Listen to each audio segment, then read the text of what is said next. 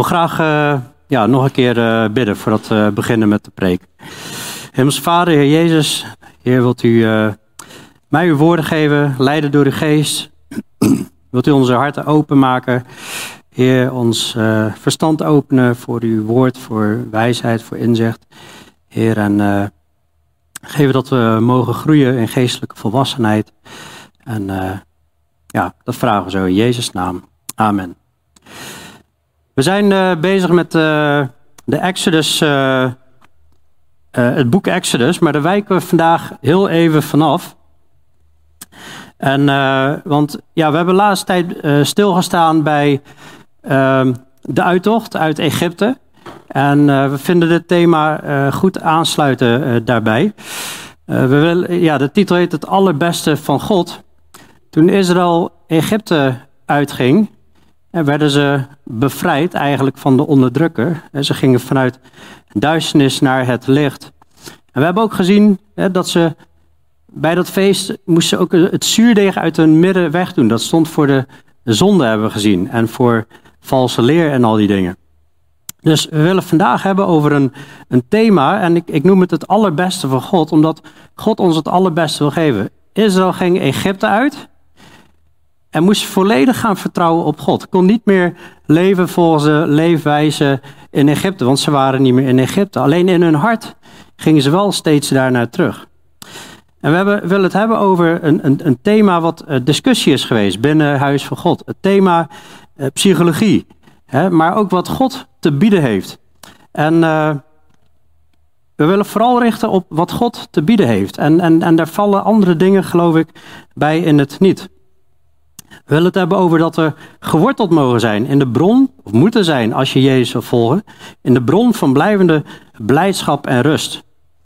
We willen kijken naar de claims van God dat zijn woord het enige is wat we nodig hebben. Dat, dat claimt God, dat dat het enige is wat we nodig hebben. En kunnen christenen naar andere bronnen voor hulp voor hun ziel of hun geest? En dan de vraag is er dan geen aandacht voor uh, problemen, wat je wel eens hoort. En, maar specialisten dan, hè, die hebben er toch voor gestudeerd. Nou goed, en dan als we dat bekeken hebben, dan komen we tot onze conclusies. Nou, ik zei al, vanuit duisternis naar het licht.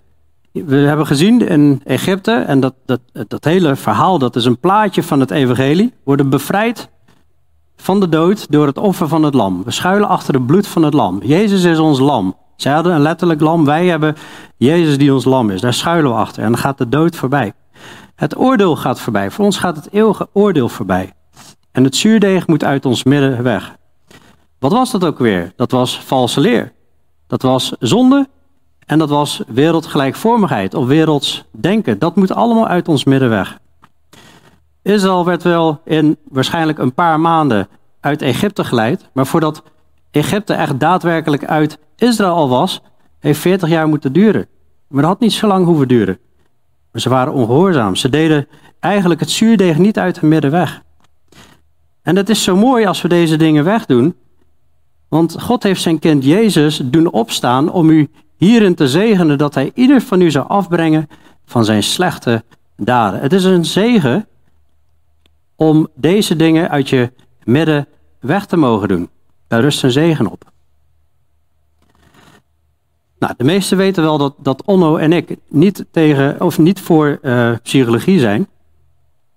En uh, ja, we gaan vandaag even wel even, dit is wel echt even een studie, dus uh, riemen vast. We gaan even wel best wel wat dingen doorspitten. Maar het is ook alweer heel mooi, geloof ik. We mogen geworteld zijn in de bron van blijvende blijdschap en rust. In Psalm 19 staat: De wet van de Heer is volmaakt. Het is ongeveer duizend voor Christus dat David dit schrijft. Zij bekeert de ziel. De getuigenissen van de Heer, het, de getuigenis van de Heer is betrouwbaar. Ze geeft de eenvoudige wijsheid. En de bevelen van de Heer zijn recht. Zij verblijden het hart. En het gebod van de Heer is zuiver. Het verlicht de ogen. En we zien ook dat God geneest de gebrokenen van hart. Hij verbindt hen in hun leed. David vond zijn echte vreugde in het woord van God. En hij ontdekt dat wanneer hij met God wandelt, En dat zien we op meer plekken. Hè? En Jezus zegt ook, hè? en het is een profetie over Jezus ook, hè? dat God geneest de gebrokenen van hart. Hij verbindt hen in hun leed. Jezus zegt zelf, als u mijn geboden in acht neemt, dat doe je vanuit geloof, maar als je mijn geboden in acht neemt, dan zul je in mijn liefde blijven. Zoals ik de geboden van mijn vader in acht genomen heb en in zijn liefde blijf. Hij zegt, deze dingen heb ik tot u gesproken, opdat mijn blijdschap in u zal blijven, de blijdschap van God in je zal blijven en uw blijdschap volkomen zal worden. Maar hij stelt er wel een voorwaarde aan, dan moet je in zijn woord wandelen en dat toepassen in je leven. Dan zal zijn blijdschap in je zijn en je blijdschap zal volkomen zijn. Dan wil toch iedereen volkomen blijdschap? Ik wil dat. En ik ervaar het ook. Jezus heeft ook gezegd: Kom naar mij toe. Je moet iets doen, naar Jezus toe komen.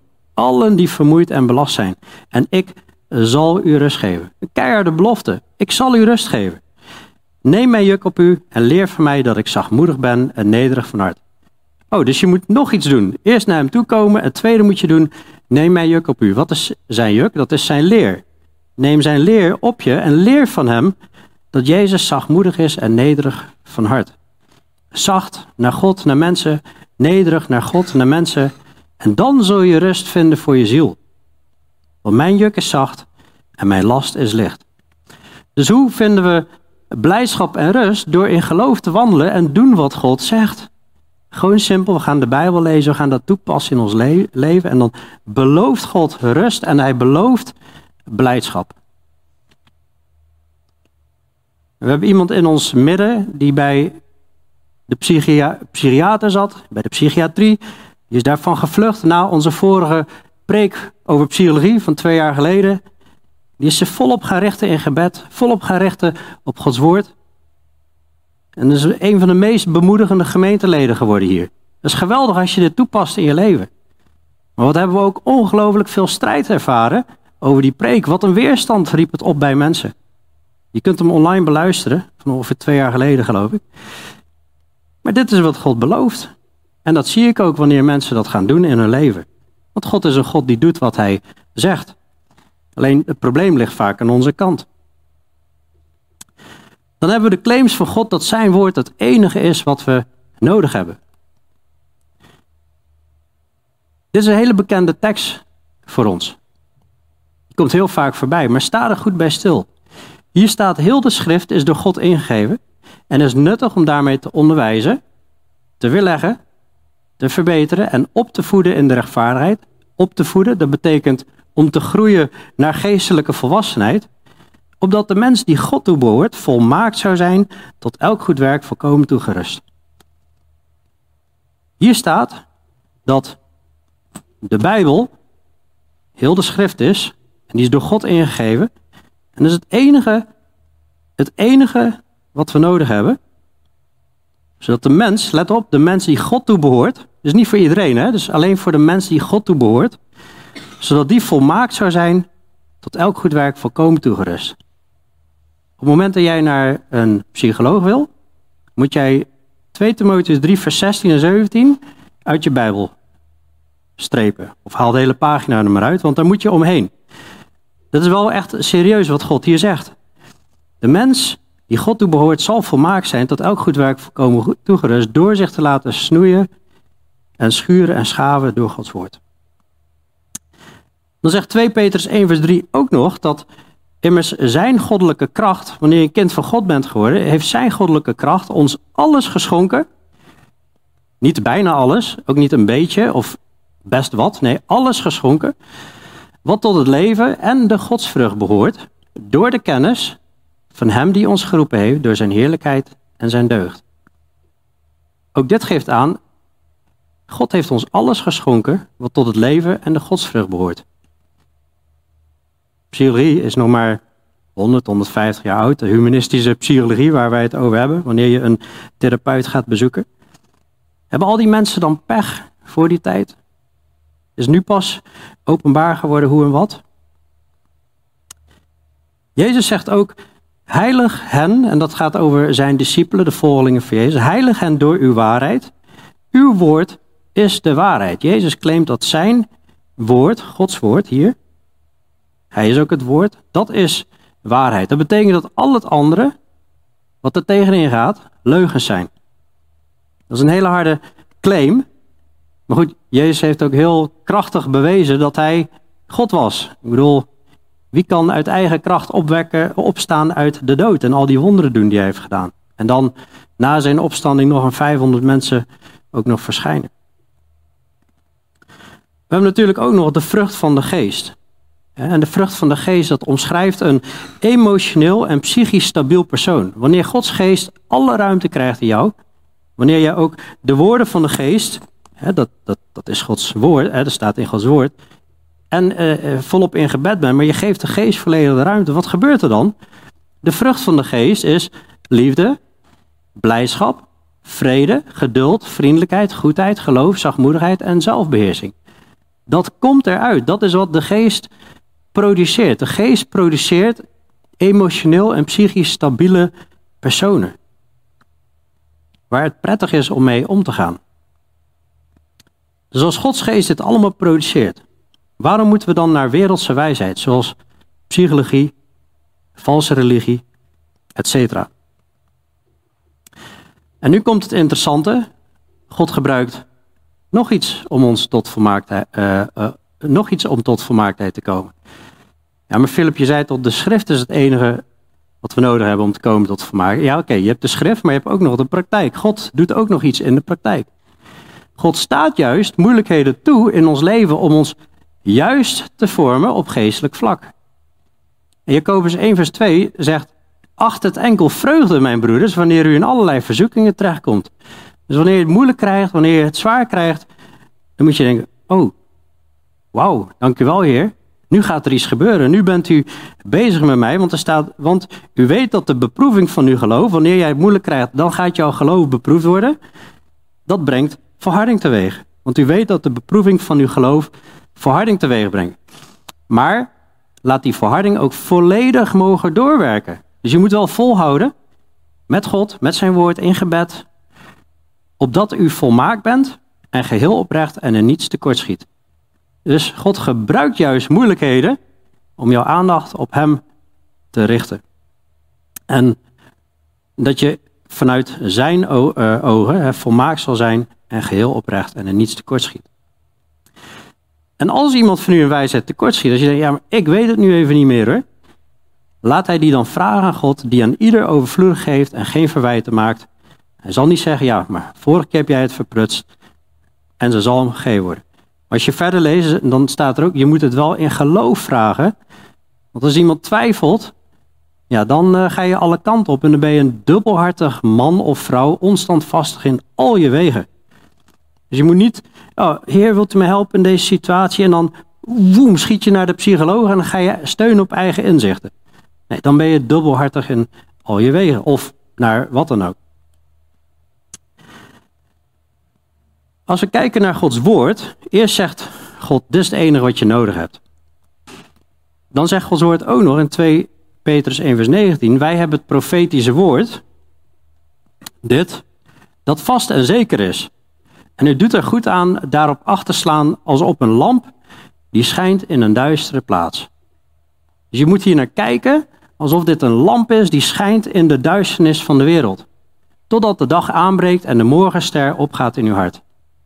En dit moet u allereerst weten dat geen enkele profetie van de schrift een eigenmachtige uitleg toelaat.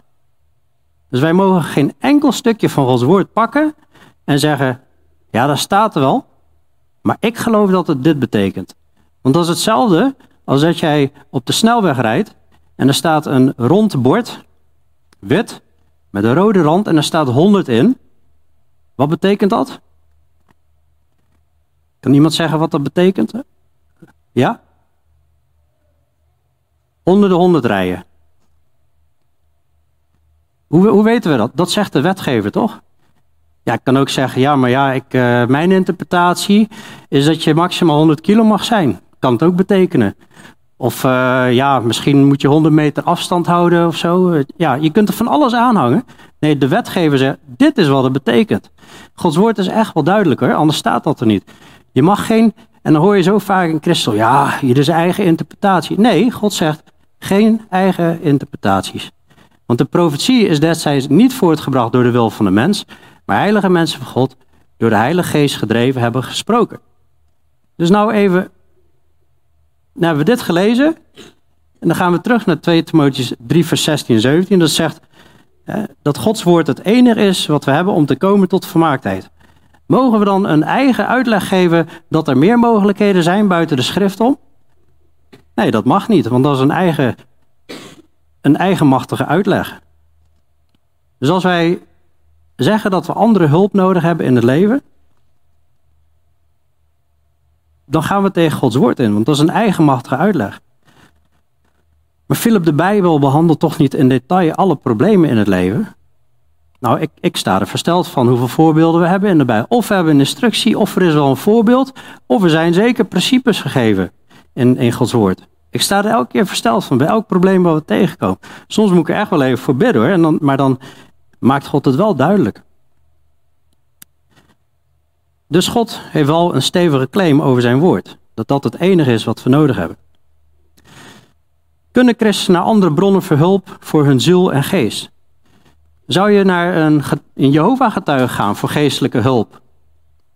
Die hebben ook best wel allemaal oplossingen. Die hebben ook best wel over dingen nagedacht. Zou je naar yogalessen gaan voor geestelijke hulp? En christelijke yoga. Christelijke yoga bestaat ook al.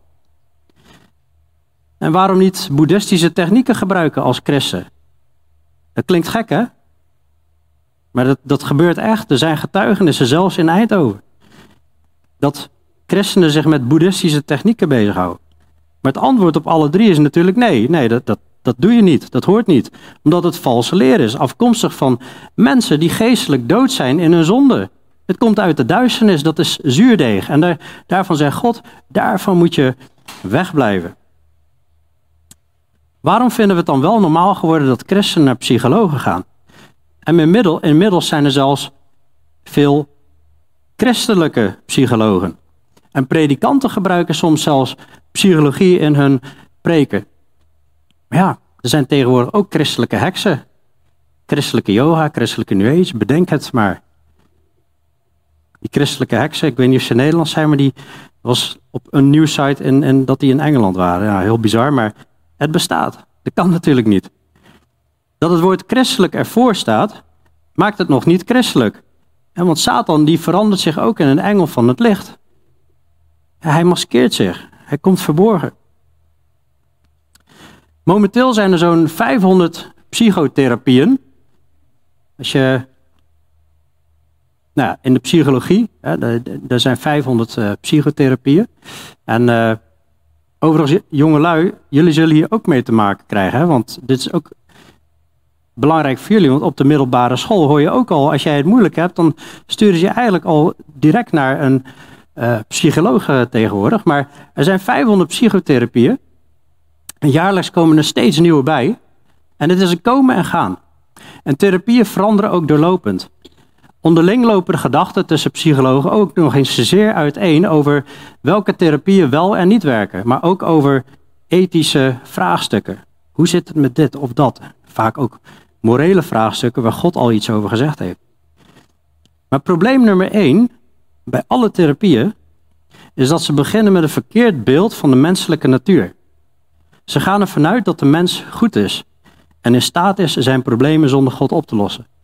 Maar de mens is niet goed. Romeinen 3 zegt, er is niemand die goed doet, ook niet één. Het hart van de mens, het is arglistig, het is bedorven. Wij zijn desperately wicked. dat zijn Engelse vertalingen. En even voor de duidelijkheid, als we het hebben over psychologie vandaag, dan doelen we op therapeutische behandeling voor de ziel en geest. Ik heb het moeilijk, ik heb last, ik ben depressief, voel, zit niet lekker in mijn vel, ik wil een therapeut. Daar hebben we het over, humanistische psychologie. We hebben het niet over uh, bijvoorbeeld koop- en verkoopgedrag van mensen. Hè? Dat je bij de action komt en je moest alleen die stof voor een blik hebben en je komt met de hele winkelmand kom je, uh, bij, de, bij de kassa. dat is niet toevallig. Er zit een hele redenatie en, en, en mensenstudie achter. Dat is op zich niks mis mee. Maar het gaat over jouw ziel, over jouw geest en woorden voor jouw verstand en het geestelijke. De Bijbel is duidelijk. De wijsheid van de wereld gaat tegen God in. En het is zelfs dwaasheid bij God, zegt 1 Korinthe 3 vers 19. Het gaat hier dus met name om geestelijke en morele zaken. De Bijbel claimt niet alle oplossingen te hebben voor het fysieke, maar wel voor het geestelijke aspect van de mens. De Bijbel spreekt zich niet uit tegen je knie laten opereren of dat soort dingen. Uh, Paulus adviseert zelfs Timotheus wat wijn te nemen voor zijn maag en veelvuldige kwalen. Nou, God kan ook gewoon fysiek genezen, maar dat gebeurt niet altijd. Nou, dan geeft Paulus zelfs het advies aan Timotheus om, nou, neem een fysiek product, wat wijn, voor je maag en veelvuldige kwalen. Dus de Bijbel claimt niet over het fysieke altijd de oplossing te hebben, maar wel over het geestelijke. je kan bijvoorbeeld prima met ongelovigen samen een, een vliegtuig bouwen of een been opereren, maar als het om geestelijke zaken gaat, is het echt, het is licht en het is duisternis. 2 Korinthe 6 vers 14 zegt, vorm geen ongelijk span met ongelovigen. Een span is als je twee ossen hebt, nou, daar rust een soort balk overheen en die trokken samen een ploeg. Maar als het ene dier veel groter is dan het andere, dat werkt niet, dan trekt de boel scheef. Vorm geen ongelijk span met ongelovigen, want het wat heeft gerechtigheid gemeenschappelijk met wetteloosheid? En welke gemeenschap is er tussen licht en duisternis? Helemaal niks. Ga daarom uit hun middenweg. Daarmee bedoelt hij niet als Amish mensen op een, in een hutje op de hei leven, maar neem niet deel aan hun werken. Zonder u af, zegt de Heer, en raak het onreine niet aan. En ik zal u aannemen en ik zal u tot een vader zijn en u zult mij tot zonen en dochters zijn, zegt de Heer, de Almachtige. Psalm 1 zegt, welzalig de man die niet wandelt in de raad van de goddelozen. Efeze 5 zegt, neem niet deel aan onvruchtbare werken van de duisternis, maar ontmasker ze veel meer. En ik zei het al, die komen in een masker. Het, je moet soms even graven en kijken van wat zit hier achter. Is dit bijbels of is dit niet bijbels? En door alle eeuwen heen hebben mensen al serieuze geestelijke problemen en complicaties meegemaakt. En is het zo dat al die eeuwen mensen toch eigenlijk maar pech hadden en er nu pas oplossingen zijn, sinds meneer Freud allemaal gedachten geuit heeft en anderen dat opgepakt hebben. Zijn er nu pas echt oplossingen? Of heeft, heeft God blijkbaar iets vergeten te openbaren in zijn schrift? Hè? En hebben we nu de oplossingen? Of is het zo dat Satan bezig is mensen te misleiden? Dat is aan ons om te onderzoeken. Nou, we zien in de Bijbel veel psalmen die zijn van al circa duizend voor Christus en die beschrijven geregeld ernstige ellende, geestelijke benauwdheid, etc. Nou, Psalm 107 is daar een voorbeeld van, maar nog heel veel andere ook. Ik wil even een uh, videootje laten, twee video's laten zien. Eentje is van John MacArthur, voorganger, ouderling en bijbeluitlegger. En uh, die spreekt ook zijn gedachten erover uit. De tweede video gaat over uh, een RTL, hoe heet die talkshow, die late night show. In ieder geval, ehm, ja, begin even met die van John MacArthur. Die, hebben we geluid? The question is, why doesn't the Master's College teach psychology? Uh, the answer is by definition, psychology, the study of the soul, is uh, a secular, godless, unbiblical approach to analyzing humanity, designing solutions to their problems. But the truth is, man, in his fallen condition, cannot really make a completely clear and accurate assessment of the human condition. Certainly, he can't offer true solutions to what goes on in life. Unless you understand people the way the Bible lays them out as fallen, dead in sin, blind, cut off from the life of God, deceived, and desperately wicked, you can't get to the solution.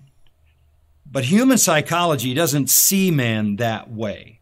Human psychology, because it's simply a reflection of the pride of man's fallen heart, overestimates man's capability, man's value, man's goodness, consequently, never really gets to the problem.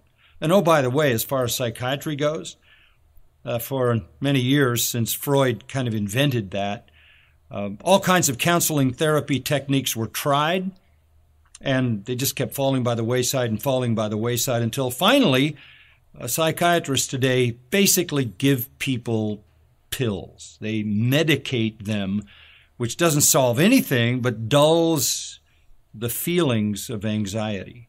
That's not a solution to anything. A right diagnosis of man leads to a right remedy, and both are revealed in Scripture.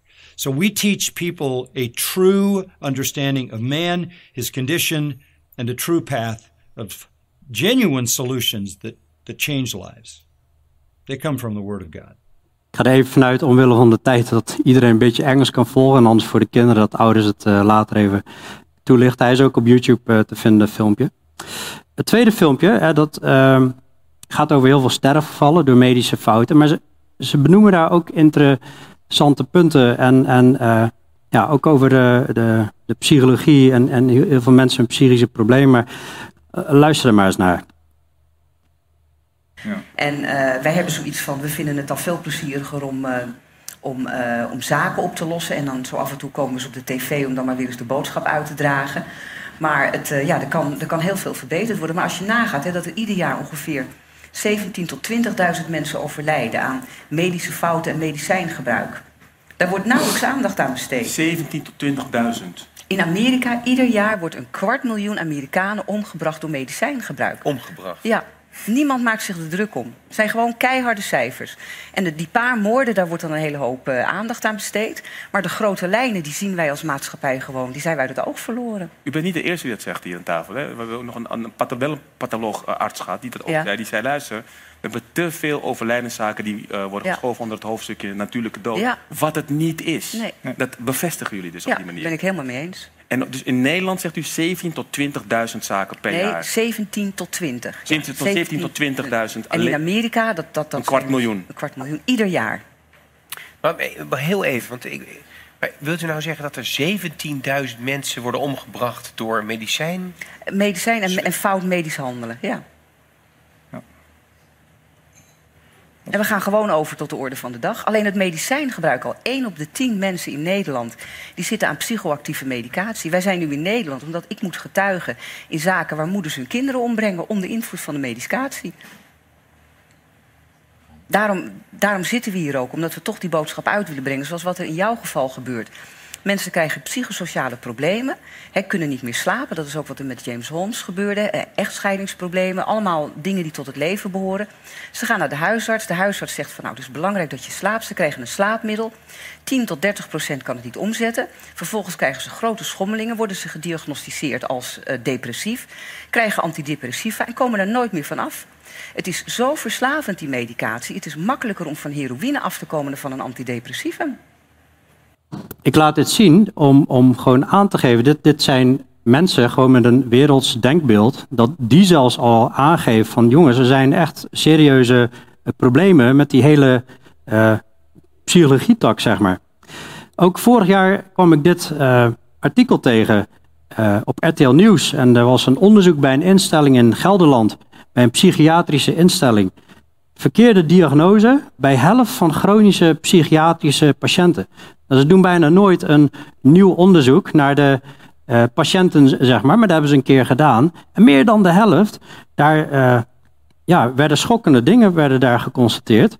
En uh, zelfs hele gevaarlijke combinaties van medicijnen of te hoge doses en zo. Levensgevaarlijke situaties.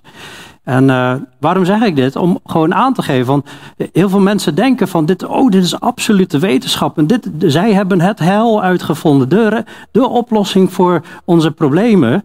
Man, het, het, het rammelt aan alle kanten als je erin gaat verdiepen. En dat is wat ik wil laten zien. Denk niet dat de wereld alternatieven heeft ten opzichte van Gods woord, want dat is gewoon niet zo. Jeremia 17, vers 9 zegt: Arglistig is het hart boven alles. Ja, ongeneeslijk is het. Wie zal het kennen? De oude geestelijke mens, die is ongeneeslijk ziek. Dus mensen die ongeneeslijk ziek zijn, die hebben een, een, een probleemoplossingsmodel bedacht. waar, waarbij ze het onderling nog niet eens zijn met elkaar. En dan gaan christenen gaan er ook nog eens heen naar mensen die dood zijn in hun zonde. En dan gaan ze daar proberen het hel te zoeken. En denken ook nog dat, oh, als het maar christelijk heet, dan kan het ineens wel. De nieuwe schepping, de nieuwe mens, voedt zich met het geestelijke van boven. Ga je je voeden met wijsheid van de wereld, dan groeit de vleeselijke mens en remt het geestelijke leven. Terwijl Thessalonicense 5 vers 19 zegt, blus de geest niet uit. We moeten Gods geest alle ruimte geven.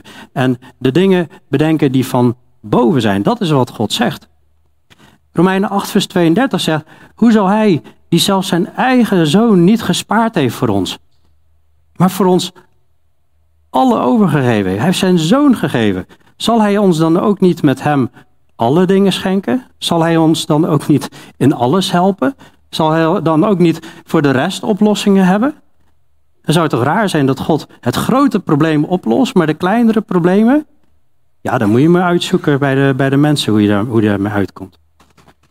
Colossense 2 vers 8 zegt, pas op dat niemand u als buit meesleept door de filosofie en inhoudsloze verleiding. Psychologie is een filosofie. Filosofie wil zeggen een zienswijze op de vraagstukken van het leven.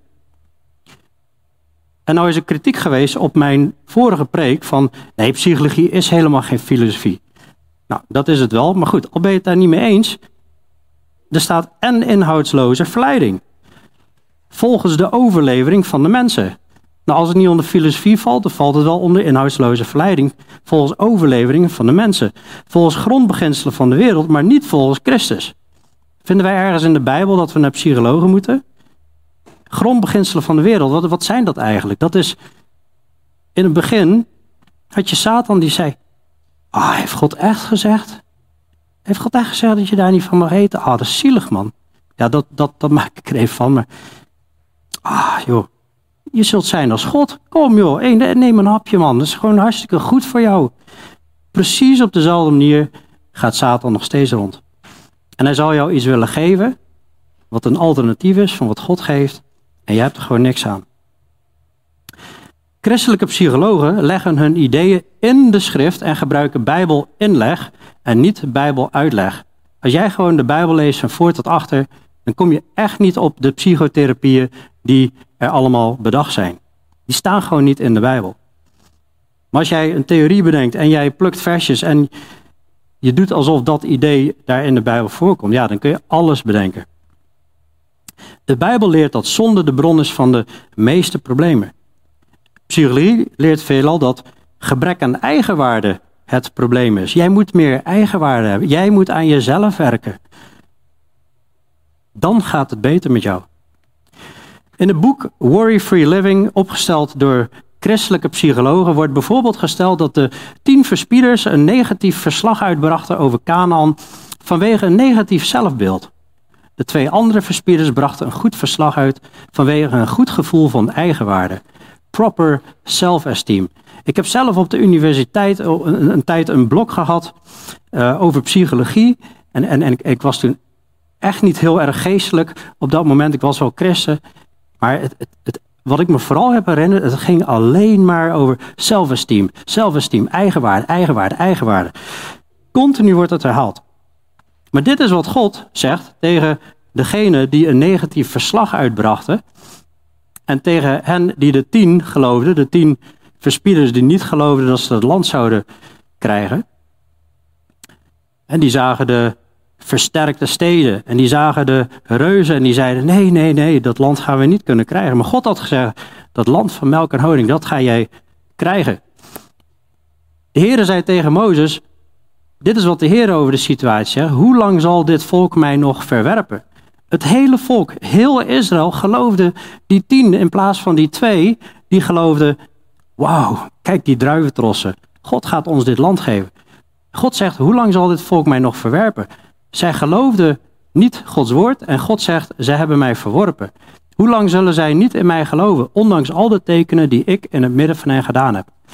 dus God zegt dat ze geen vertrouwen hebben in hem maar zich richten op de problemen. En doordat ze zich richten op de problemen, verwerpen ze hem. En God verwijt hen dat ze hem nu al tien keer op de proef hebben gesteld. Elke keer als er problemen waren, Dan verwierpen ze Mozes of Mozes en Aaron. Maar eigenlijk verwierpen ze God. En er komt een oordeel. Daardoor mag deze generatie niet het land in, maar sterft. Behalve Jozua en Caleb, mannen van geloof, mannen die niet keken naar de problemen voor ogen, maar echt vertrouwden op God. Dit is een hele grote, belangrijke les. Dit is echt serieus een kernles. Door dit voorval moesten ze 40 jaar de woestijn in. Wat een, een reis was van, van een paar weken. En ze stierven in de woestijn, een heel volk, behalve Jozua en Caleb. Psalm 118 zegt: Het is beter tot de Heere de toevlucht te nemen dan op de mensen te vertrouwen. Jeremia 17 zet het nog sterker neer. Vervloekt is de man die vertrouwt op een mens en die een schepsel tot zijn arm stelt, terwijl zijn hart van de Heere afwijkt. Dus als je een mens tot jouw arm stelt, hè, daarop gaat vertrouwen, dan wordt er al gesproken terwijl zijn hart van de Heer afwijkt. We zagen ook hè, dat op het moment dat ze geloofden dat mensen zeiden, oh die versterkte steden en die reuzen, dan zei God, nou daar hebben ze mij verworpen hiermee. Zo iemand zal zijn als een kale struik in de vlakte, die het niet ziet wanneer het goede komt. Verblind.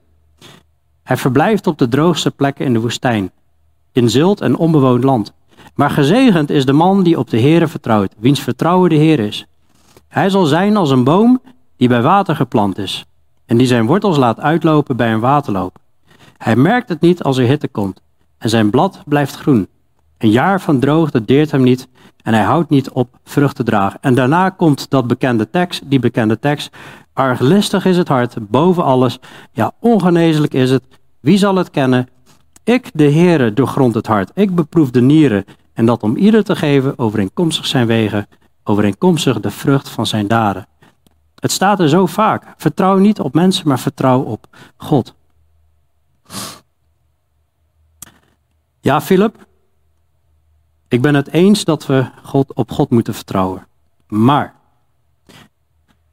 er zijn allemaal reacties die ik heb gehad op de studie van de vorige keer.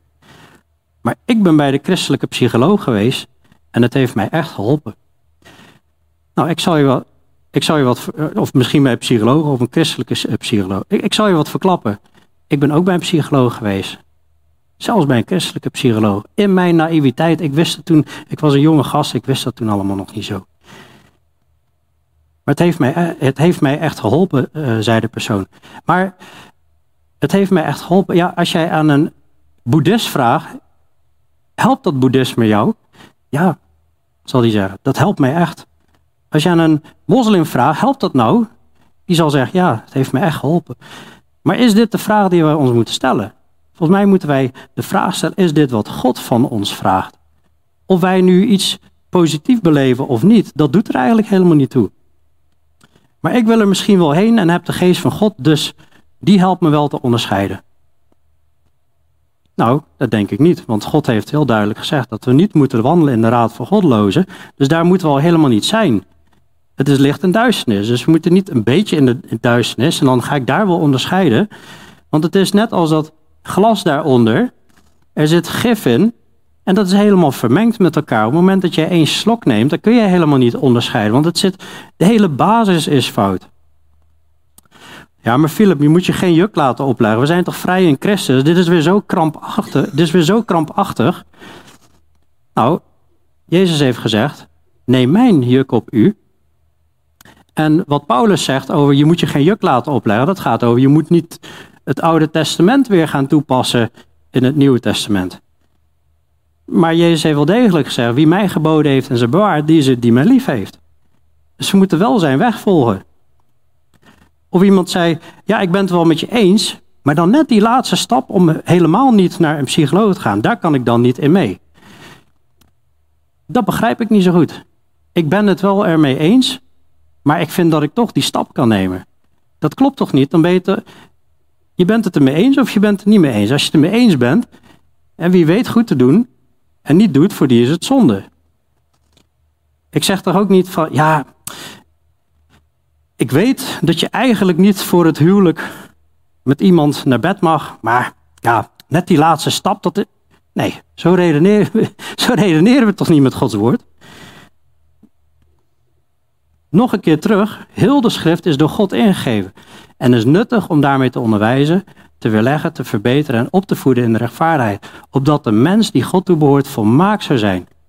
God zegt, ik heb alles gegeven. Zodat als jij mij toebehoort volmaakt zou zijn tot ieder goed werk volkomen toegerust.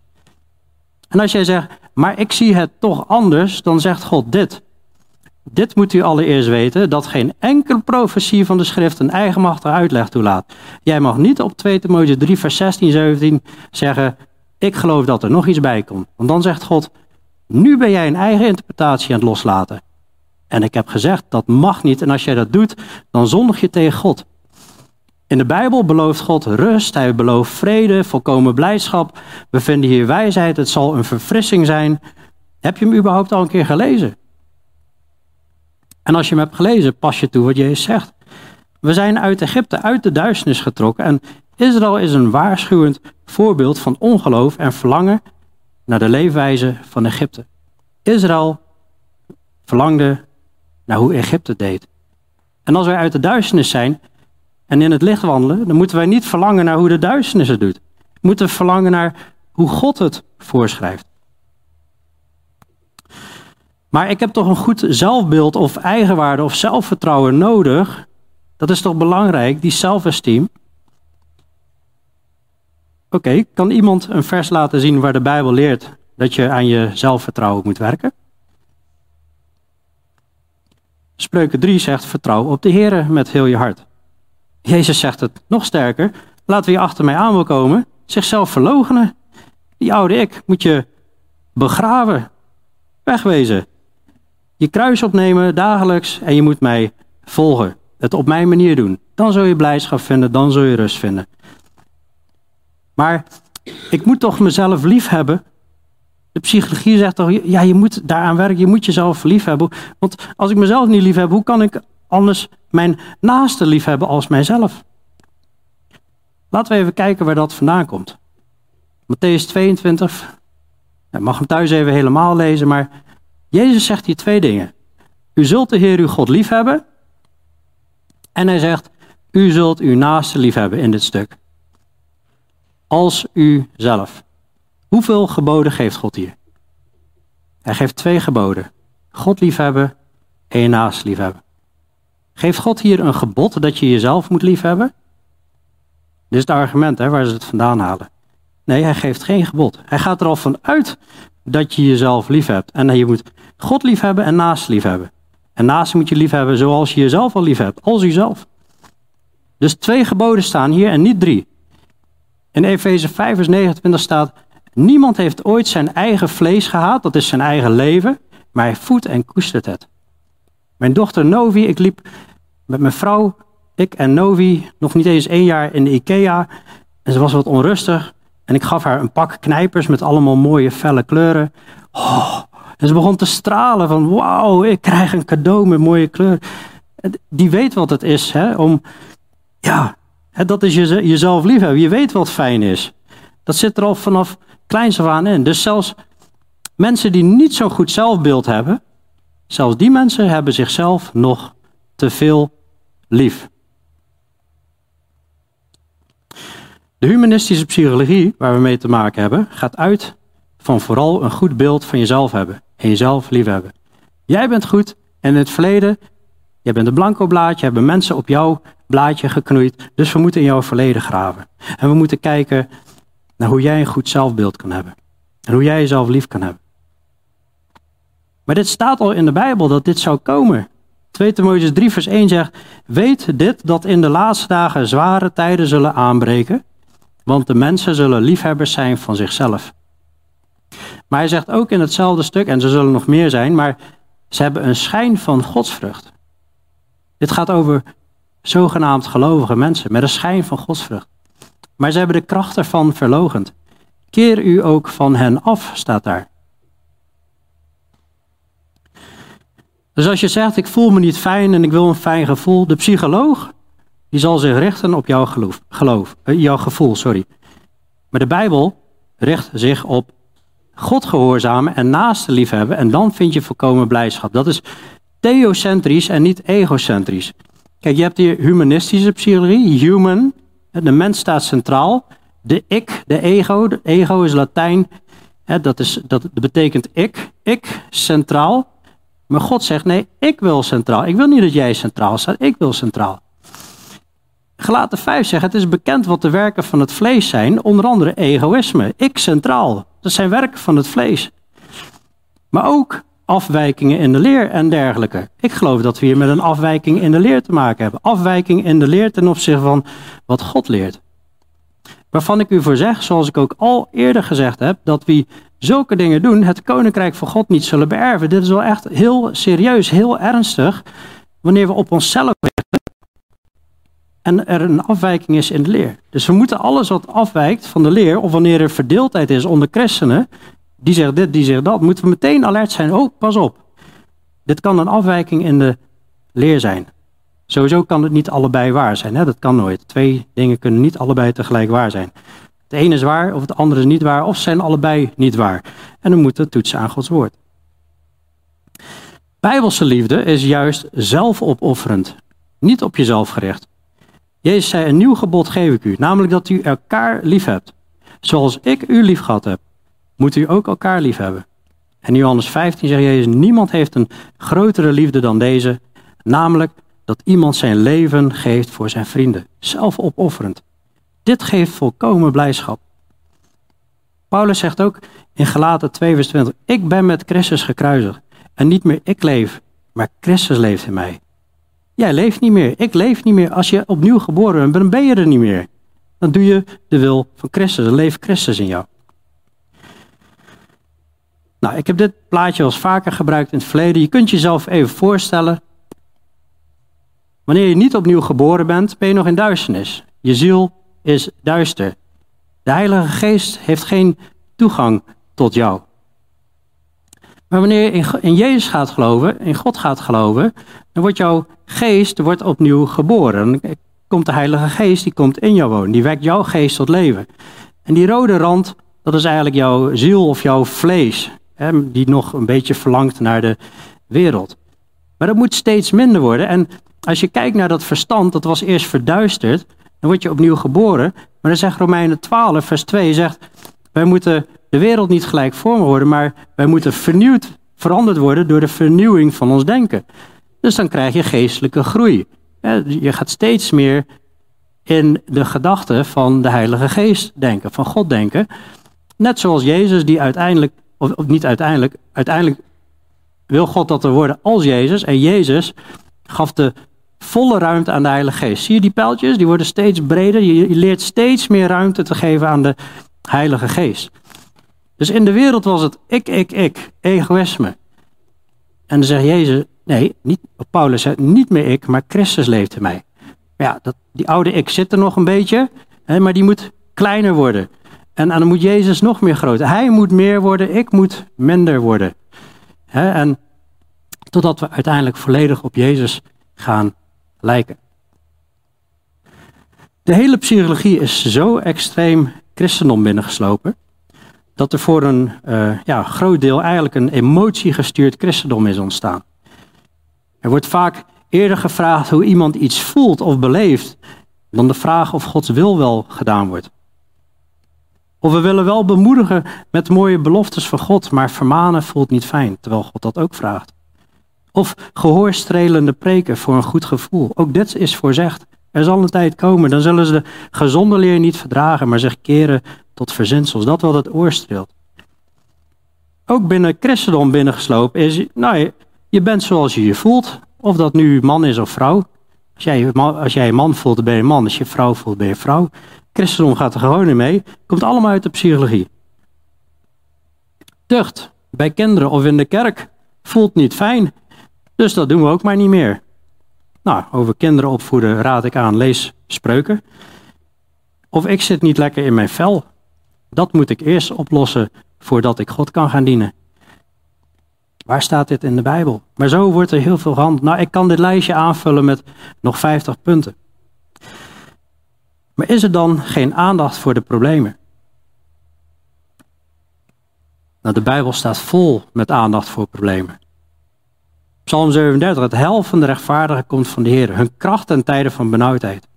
Op Psalm 107, Toen zij in hun benauwdheid tot de Heere riepen, redde hij hun uit hun angsten.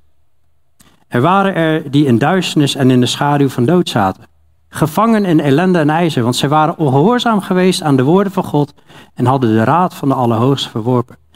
Daarom vernederde God hun in uh, hun hart door moeite. En zij struikelden en er was geen helper. Maar toen zij in hun benauwdheid tot de Heere riepen, verloste hij hun uit hun angsten. En soms is dat herhaaldelijk aanhoudend, zeg maar, tot de Heere roepen in benauwdheid. Hij leidde hen uit de duisternis en de schaduw van de dood en verscheurde hun banden. Laten zij de Heere loven om zijn goede tierenheid en om zijn wonderen voor de mensenkinderen. Want hij heeft de bronzen deuren opengebroken en de ijzeren grendel stuk gebroken. Als we kijken naar wat God gedaan heeft in Egypte voor Israël. Hij kan zulke dingen ook in jouw leven doen. Hij kan jou uit je benauwdheid redden. Maar Philip, er is een geliefde overleden. Ook ik en mijn vrouw hebben dat meegemaakt, recentelijk, dat Rebecca's vader eh, is overleden. Maar met God, we leggen dat in Gods hand. Of ik heb echt een rotvader gehad. Dat zeg ik niet hè, over mijn vader, even voor duidelijkheid. Maar dat kan zijn. Of ik kan geen kinderen krijgen. Uh, maar ik kan me niet, uh, echt, echt niet concentreren. Nou, daar heb ik ook last van. Ik ben steeds neerslachtig. Of ik heb als vrouw erg last van hormonale wisseling. Of ik heb serieuze financiële problemen. Maar ik heb een oorlogstrauma. Weet, je, mijn problemen zijn een uitzondering op de Bijbel. Dat is vaak wat er gedacht wordt. Jacobus 5 zegt heel mooi, zie, wij prijzen hen gelukzalig die volharden in hun moeilijkheden. U hebt gehoord van de volharding van Job. Die had het pas zwaar. En u hebt de uitkomst van de Heer gezien, dat de Heer vol ontferming is en barmhartig. Is het niet te simpel om even te zeggen, ja bid maar en lees je Bijbel en je problemen gaan vanzelf weg? De Bijbel, zoals ik al zei, staat juist vol met mensen met problemen. Het grootste probleem is dat mensen hun vertrouwen niet op God stellen. Niet echt vertrouwen op de Heer dat Hij hun zal leiden, juist ook door moeilijkheden. moeilijkheden. De Bijbel geeft volop oplossingen en geboden. Jezus zegt: Wees niet bezorgd. Meerdere keren over je leven. Wees in geen ding bezorgd. Maar wat moet je doen? Laat je verlangens en alles door bidden en smeken met dankzegging bekend worden bij God. Wat gebeurt er dan? De vrede van God, die alle begrip te boven gaat. Wij proberen het te beredeneren, maar het gaat alle begrip te boven. Die zal uw harten en uw gedachten bewaken in Christus Jezus. En verder, nou, dan roept hij op om allemaal dingen toe te passen. Waar God toe oproept. En dan zal de God van de vrede met u zijn. Je kunt het later terugluisteren op YouTube. En, en dan kun je die stukken allemaal even rustig teruglezen. We zullen hem uh, morgen of uiterlijk overmorgen uploaden. Um, hier ook, werp al uw zorgen op hem, want hij zorgt voor u.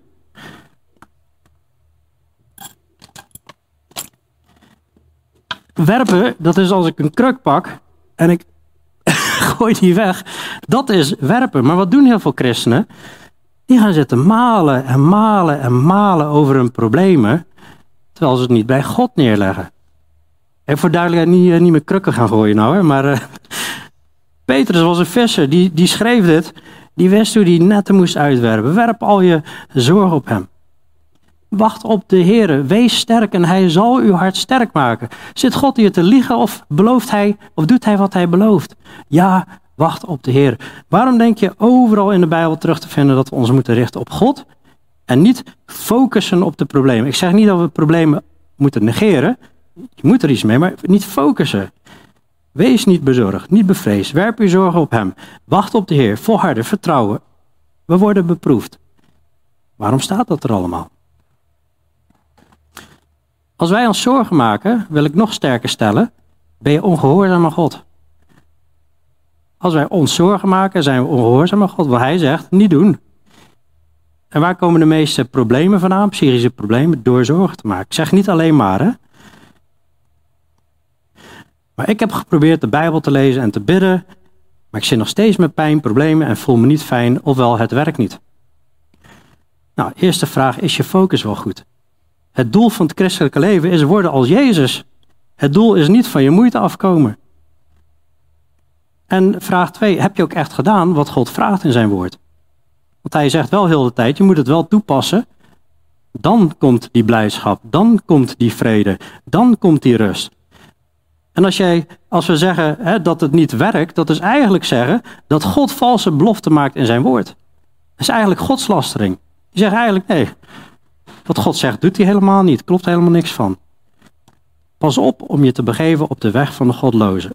Ook als christenen die leer volgen. Wij zijn niet geroepen om andere christenen te volgen, maar om Jezus te volgen.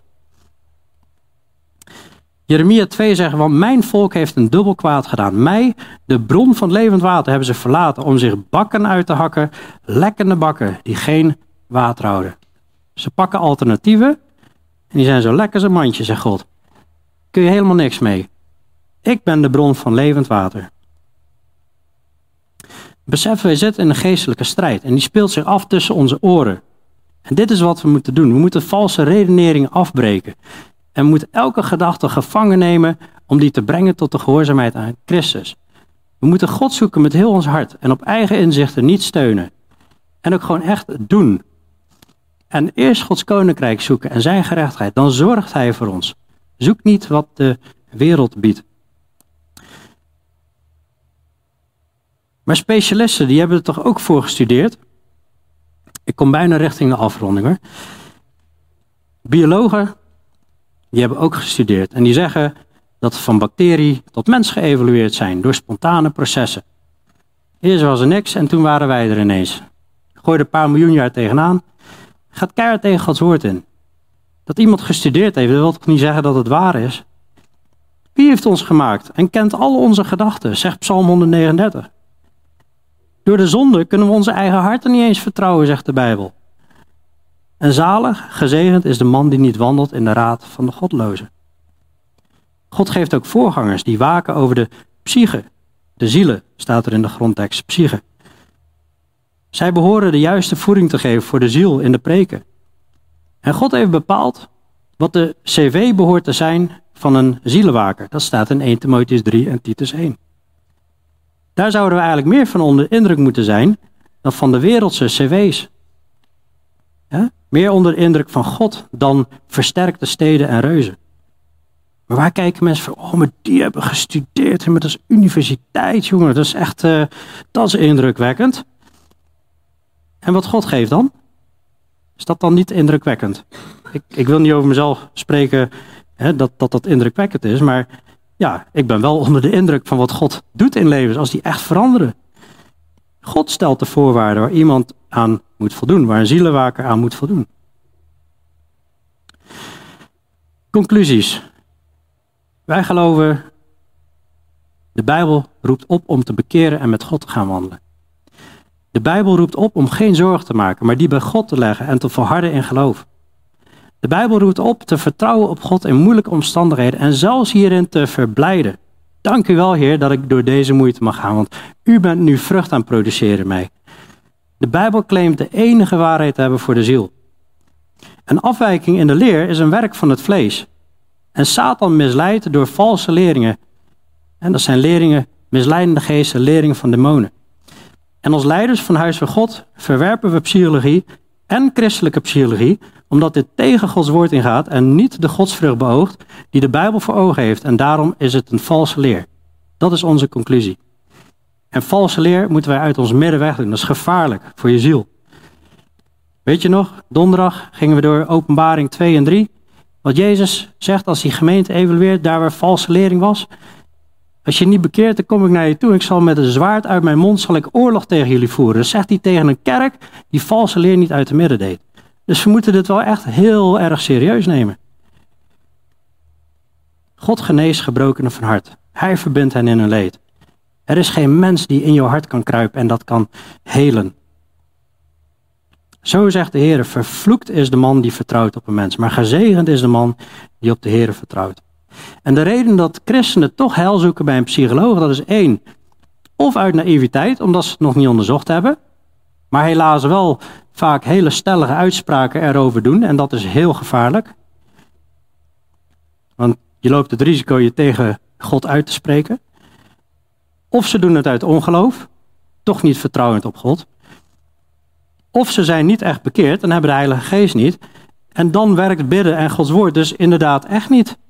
Dan gaat 2 Timotheüs 3 vers 17, 16 en 17 gaat niet op voor jou. Gaat, want het gaat over dat de schrift zegt dat de mens die God toebehoort tot volmaaktheid zal uh, komen. Hè, tot ieder goed werk volkomen toegerust. Maar als jij God niet toebehoort, ja, dan heb je er ook niks aan. Dan gaat het ook niet gebeuren. God is goed. God houdt van zijn kinderen. En we worden door de kracht van God bewaakt door het geloof. God heeft zijn Heilige Geest gegeven. En die geeft hij nog steeds. God geeft zijn woord. En we zijn gezegend met alle geestelijke zegeningen in de hemelse gewesten. God geeft de gemeente. God geeft herders. God geeft hoop. Jezus heeft alle zwakheden doorgemaakt, net als wij. En zegt, kom naar mij, kom naar de troon van genade. Ik heb alle zwakheden meegemaakt. Ik ken jullie moeite. Ik kan je helpen. Wij zijn de levenden. Wij zijn door God levend gemaakt. En wij hebben echte oplossingen voor de problemen in de wereld. En de doden hebben dat niet voor de levende mensen. Wij hebben daar niks te zoeken. En het is in de kerk binnengedrongen. En dan ineens heet het christelijk. Laat je niet misleiden. Zullen we bidden?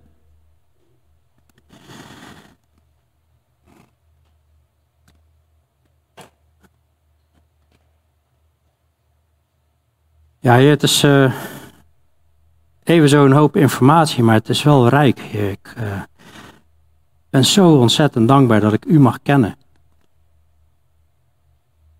De bron van levend water. De bron van blijdschap. De bron van rust. De bron van vrede.